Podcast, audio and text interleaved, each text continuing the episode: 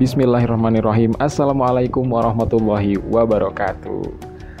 Halo sob, ketemu lagi bareng gue Hanifan di Mankola Podcast. Ya, ini konten keduanya Mankola Podcast ya. Atau episode kedua Yang insya Allah kita bakal update setiap hari Selasa sama Jumat. Jadi kemarin kita udah punya episode pertama kemarin kita ngebahas tentang masalah ya masalah kehidupan lah.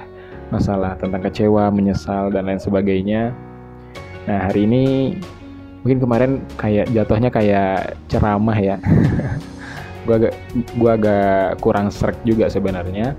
Karena ya perasaan gue kok uh, eh, gue jadi ceramah gitu. Ya bukan ber bukan bermaksud untuk menceramahi atau menggurui ya. Gue cuma pengen berbagi insight atau pandangan gitu tentang masalah itu. Nah, tapi untuk di episode ini gue pengen cerita aja. Mungkin ini cerita agak personal tapi uh, mungkin juga relate dengan teman-teman yang merasakan hal yang sama. Jadi gue pengen cerita-cerita tentang merantau nih.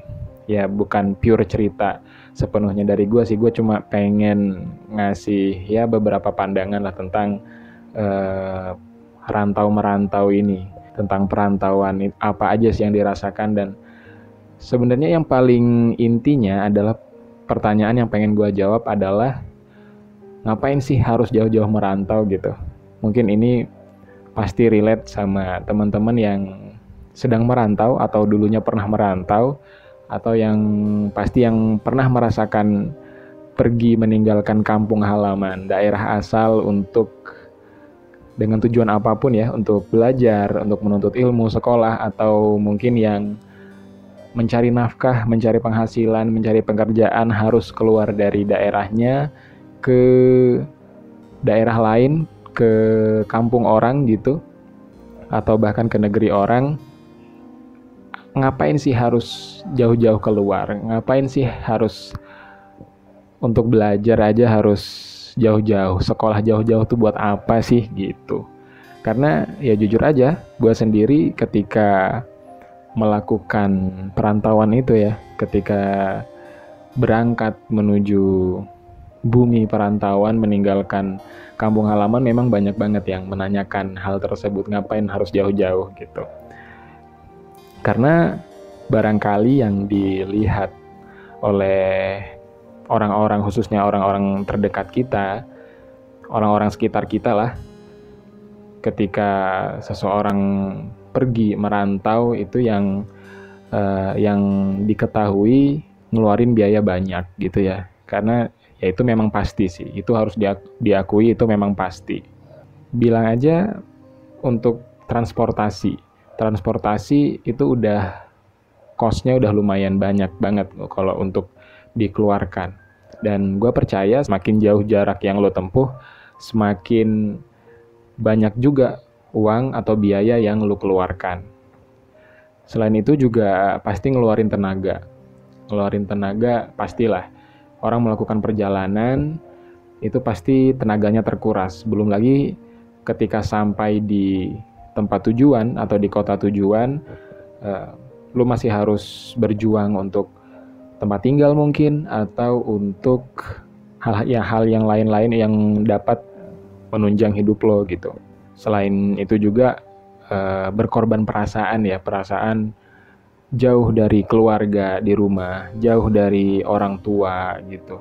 Yang biasanya sehari-hari bisa barang eh, bareng-bareng orang tua, bareng-bareng keluarga.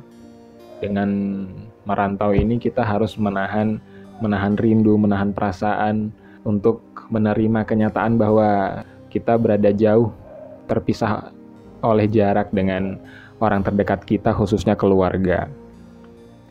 Nah, untuk menjawab pertanyaan itu sebelumnya menurut pandangan gua, kenapa sih harus merantau? Semua manusia itu terlahir sebagai perantau. Jadi, kehadiran kita di dunia ini aja sob, itu adalah perantauan karena dunia ini bukan sebetul-betulnya tempat kita, tempat tinggal kita. Ada saatnya kita pulang menuju ke tempat di mana Sang Pencipta menurunkan kita ke dunia ini.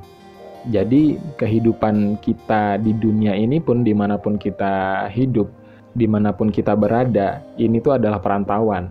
Jadi, sekedar hidup pun itu sudah merantau sebenarnya. Jadi, seluruh manusia itu sebenarnya adalah perantau.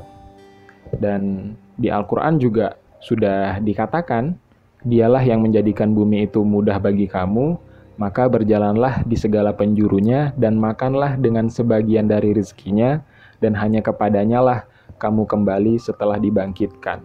Surah Al-Muluk ayat 15. Nah, dari ayat ini kita tahu sob, sebenarnya bumi tempat kita tinggali sekarang ini, itu Allah menjadikan bumi itu terbentang, luas, gak sekira-kira luasnya, tapi dari ayat tersebut Allah bilang, bumi ini dengan luas yang seperti ini dibikin mudah untuk ditinggali dan dijelajahi. Kita bayangkan sob ya, Imam Syafi'i, ini bapak mazhabnya Indonesia, mazhab yang paling banyak digunakan di Indonesia. Dan beliau menghabiskan usia beliau dengan menjelajah, dengan berpergian. Berpergiannya bukan berpergian untuk pelesiran atau untuk hangout ya, berpergiannya untuk menuntut ilmu. Di zaman hidupnya Imam Syafi'i aja belum ada motor, belum ada mobil, belum ada kereta, belum ada KRL, belum ada MRT bahkan. Imam Syafi'i udah melakukan perjalanan segitu jauhnya dari Madinah ke Mekah, ke Baghdad, ke Mesir hanya untuk menuntut ilmu. Memang banyak motif dan tujuan seseorang untuk merantau. Motivasinya dilatar belakangi banyak hal. Ada yang memang ingin merantau untuk mencari penghasilan, untuk mencari penghidupan karena di daerah asalnya susah untuk bertahan hidup atau susah untuk mendapatkan penghasilan yang layak. Akhirnya mengadu nasib kalau orang kata orang zaman sekarang, kita yang curhat sama teman, terus teman kita nimpalin, ya lu masih mending lah gua. Gini gini gini gini. Nah itu ngadu nasib juga itu.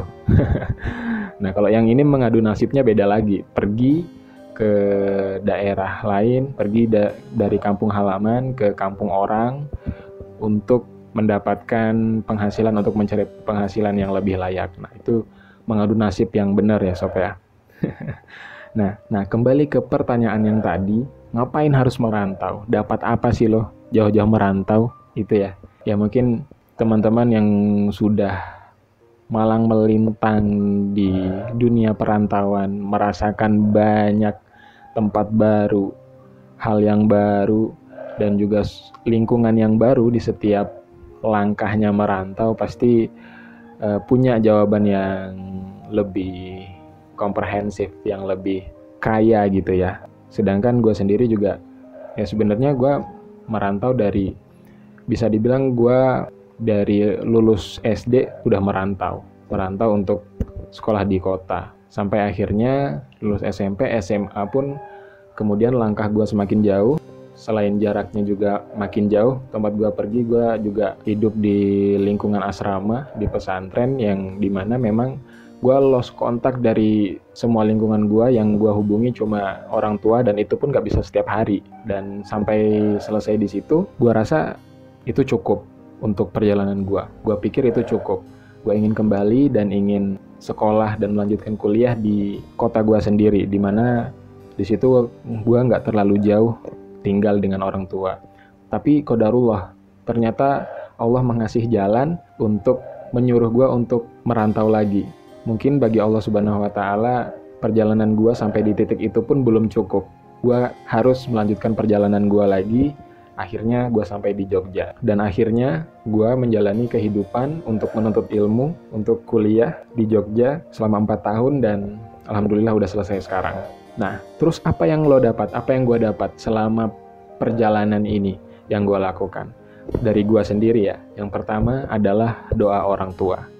Itu penting banget sih gue merasakan ketika dengan gue merantau ini sekian mungkin ini udah sekitar 12 tahun ya gue merantau di mana doa orang tua itu memang kerasa banget pengaruhnya dan momen di mana kita pertama kali melangkahkan kaki meninggalkan rumah meninggalkan orang tua ayah ibu ataupun keluarga. Di situ pasti orang tua berpikir mungkin ada kekhawatiran, sedikit kekhawatiran dari orang tua untuk melepas kita, bisa nggak nih dia bertahan, bisa nggak nih dia menjaga sikapnya, menjaga prinsipnya, menjaga moralnya selama dan terlebih menjaga dirinya selama di perantauan, di kota orang, di kampung orang, atau bahkan di negeri orang. Dan di situlah di mana kita harus mendapatkan doa orang tua.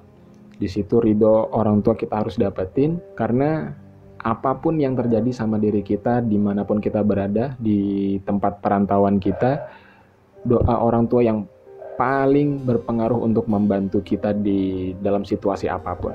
Dan itu gua rasain banget karena memang beda ya. Ketika orang tua berdoa, orang setiap orang tua pasti mendoakan anaknya. Tapi ketika kita lagi nggak di rumah, nggak bareng-bareng mereka, kita di kota lain, di daerah lain, orang tua nggak tahu kita lagi ngapain di sana, lagi baik-baik aja atau enggak, lagi ada masalah atau enggak, kecuali kita cerita. Doa orang tua secara psikis, kondisi psikisnya orang tua saat itu pasti sangat khawatir, pasti sangat intens untuk mendoakan kita dengan cara apa pun.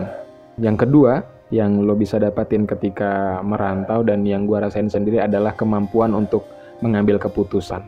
Karena ya, sob, ketika di dunia perantauan, di mana pun kita berada, hanya ada kita dan diri kita sendiri. Hanya ada lo dengan diri lo sendiri.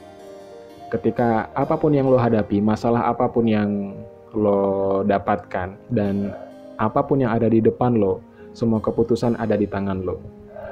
Dan setiap keputusan yang lo ambil, resikonya, konsekuensinya, lo akan tanggung sendiri lu nggak bisa bergantung sama orang lain. Jadi you have take a risk for your own step. Setiap langkah lo dengan keputusan yang lo ambil akan berdampak pada diri lo sendiri dan itu akan jadi pembelajaran. Itu yang paling penting sih.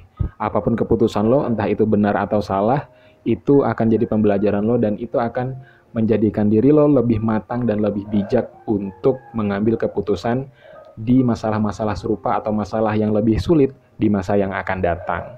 Yang ketiga, kemampuan untuk bertahan hidup, sob. Bertahan hidup itu buat gue adalah skill. Survival itu skill. Jadi bertahan hidup di dunia ini itu harus punya kemampuan, harus punya keterampilan menurut gue. Siapa yang nggak terampil untuk mencari celah dalam hidupnya, untuk mencari cara supaya dia tetap survive, bukan hanya secara teknis e, bisa makan atau enggak, bisa jajan atau enggak, bisa ini itu atau enggak, tapi mengelola mental itu juga survival sih. Itu benar-benar diuji ketika kita berada di, di daerah perantauan. Ketika kita merantau kita jauh dari keluarga dan itu butuh sekali yang namanya survival skill. Dan ketika skill survive lo udah terlatih dan lo udah berpengalaman dengan pengalaman merantau lo pastinya di masa yang akan datang lu nggak bakalan mudah untuk menyerah, lu nggak bakalan mudah untuk asa karena hal-hal yang berkaitan dengan bertahan hidup itu udah pasti lu hatam untuk merasakan dan mengalaminya dan lu tahu pasti caranya untuk mengatasi semua masalah yang lu hadapi setelahnya. Yang keempat, ini adalah salah satu motivasi gue kenapa gue pengen merantau, yaitu gue berpikir dengan gue merantau, gue pergi ke kota, gue pergi ke kota besar seperti Jogja misalnya. Gue ingin bertemu sama orang-orang hebat.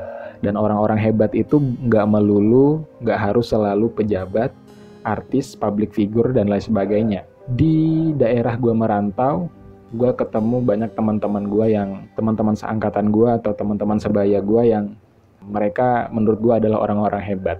Dengan latar belakang mereka yang biasa-biasa aja, mereka bisa melakukan sesuatu yang luar biasa dengan keterbatasan yang mereka punya, entah itu keterbatasan dari latar belakang, keterbatasan fisik, sampai keterbatasan ekonomi mungkin, tapi mereka bisa melakukan hal-hal besar yang kita sendiri nggak terfikirkan untuk uh, dengan kapasitas mereka mereka bisa melakukan itu, tapi they do it, dan itu buat gue adalah orang-orang hebat. Gue bersyukur sekali orang-orang yang gue kenal dan orang-orang yang gue temui dan jumpai selama gue merantau, perjalanan gue merantau di mana pun itu, mereka adalah orang-orang hebat yang pastinya menjadi inspirasi buat gue dan memotivasi gue juga ketika gue down, ketika gue ada masalah. Karena memang hidup gak lepas dari masalah ya. Mereka yang menjadi tolak ukur gue untuk bisa bangkit lagi dan bisa mengatasi masalah yang gue hadapi. Dan pastinya ketika lo merantau, lo pasti akan menemui tempat baru dan jalan-jalan buat yang suka jalan-jalan. Tapi menurut gue itu semua bonus. Yang paling penting lo bisa menyesuaikan dengan karakter dan cara hidup orang di daerah masing-masing tempat kita tinggal. Karena daerah, daerah di kampung halaman kita, orang-orangnya cara hidupnya pasti beda sama cara hidup di daerah perantauan kita. Dan dari situ kita harus bisa belajar untuk menyesuaikan diri. Nah, yang terakhir nih, biasanya ketika kita kembali ke kampung halaman setelah dari perantauan, ada ekspektasi orang lain ketika kita balik. Lu udah dapat apa? Lu udah menghasilkan apa? Apa yang lu punya setelah lu balik dari dunia perantauan? Apakah selama ini lu merantau cuma ngabis-ngabisin duit aja? Itu ya gue yakin gak semua, tapi adalah yang pertanyaan-pertanyaan kayak gitu. Dan menurut gue itu nggak usah terlalu lu pikirin sih karena keputusan merantau atau enggaknya itu kan pilihan. Orang punya pilihan untuk merantau atau enggak, sesuai kebutuhan, sesuai keadaan lingkungannya masing-masing. Dan ketika lu memutuskan merantau, semua apa pun yang lu alami, pengalamannya lu sendiri yang merasakan, perjuangannya lu sendiri yang melakukan, dan hasilnya pun lu sendiri yang merasakan. Lu nggak perlu ngebuktiin apa pun ketika lu kembali ke daerah asal lo dan yang penting lu punya prinsip untuk bisa bermanfaat buat orang-orang yang ada di sekitar lo. Tanpa lu harus punya niat untuk membuktikan atau menunjukkan ke orang lain bahwa karena merantau lu udah sukses. Menurut gua lu nggak usah berpikir seperti itu. Semua akan terlihat sendiri, semua akan terlihat bedanya sendiri dan pasti beda. Gue yakin pasti beda. Karena kata Imam Syafi'i, safir tajid iwadon amman tufarikuhu fa inna ladzal aishi fin nasobi. Berjalanlah, merantaulah, karena lu bakal mendapat pengganti dari apa yang lu tinggalkan ketika lu merantau. Dan manisnya hidup, enaknya kehidupan, itu baru bakal kerasa setelah lu selesai berjuang dari perantauan lu. Gua Hanifan, terima kasih udah mau dengerin. Wassalamualaikum warahmatullahi wabarakatuh.